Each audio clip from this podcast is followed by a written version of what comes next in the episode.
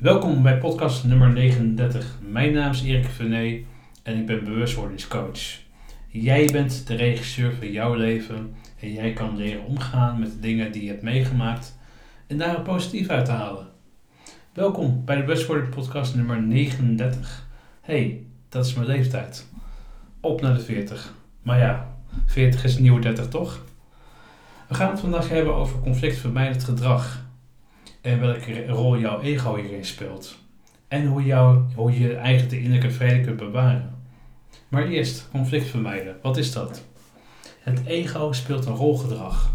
Wil je gelijk krijgen of heb je gelijk?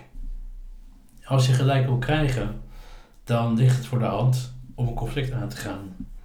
En je wilt, je wilt er natuurlijk alles aan doen om dat gelijk te krijgen. Als je gelijk hebt, dan heb je gelijk. Waarom moet je dan de ander overtuigen? Het gaat om conflicten, dat je conflicten kiest waarvan je zeker weet dat ze jou gaan helpen. Ik maak altijd zelf de afweging: is het belangrijk en levensreddend om het conflict aan te gaan? Vind ik het de moeite waard? Nou, in veel gevallen zeg ik nee. En dat heeft te maken met omdat er heel veel speelt in dagelijkse beslommeringen het dagelijks leven.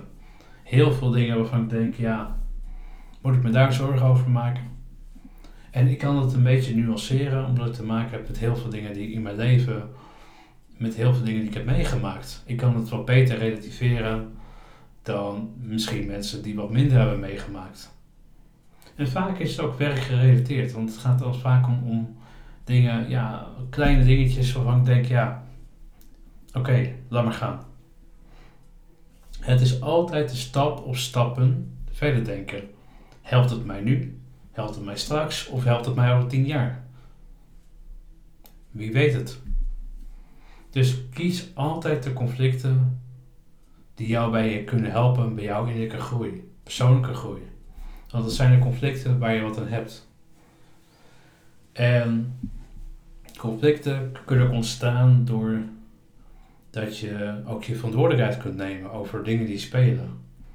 Kijk, gelijk willen hebben bijvoorbeeld, hè, dat heeft te maken met ego, het ego-stuk.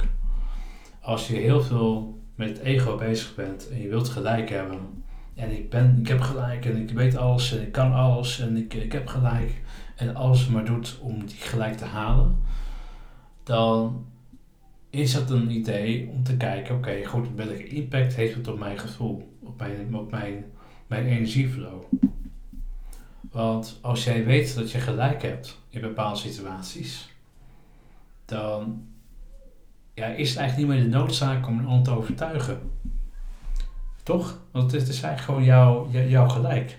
Het is in jouw, jouw perspectief zo. En dat de ander daar, dat, dat ook niet, daar ander niet daarin wil meegaan, dat is helemaal prima. En dan mag je dus conflict laten gaan zoals hij is. Want conflicten zijn altijd, ja, niet helpend wil ik niet zeggen, want het, kan ook bijdragen aan jouw innerlijke groei. Conflicten kunnen ook vermeden worden doordat je eigenlijk met een open mind instaat. Dat je altijd kijkt van oké, in welke, welke zin heeft iemand gelijk en kan ik daarin meegaan? Kijk, het is ook zo dat het misschien niet zo is en dan kun je het gewoon loslaten. Laat het los wat niet bij jou hoort. En daarmee kun je eigenlijk conflict, conflict vermijden. En dat geeft een hele hoop rust als het gaat om je energieniveau.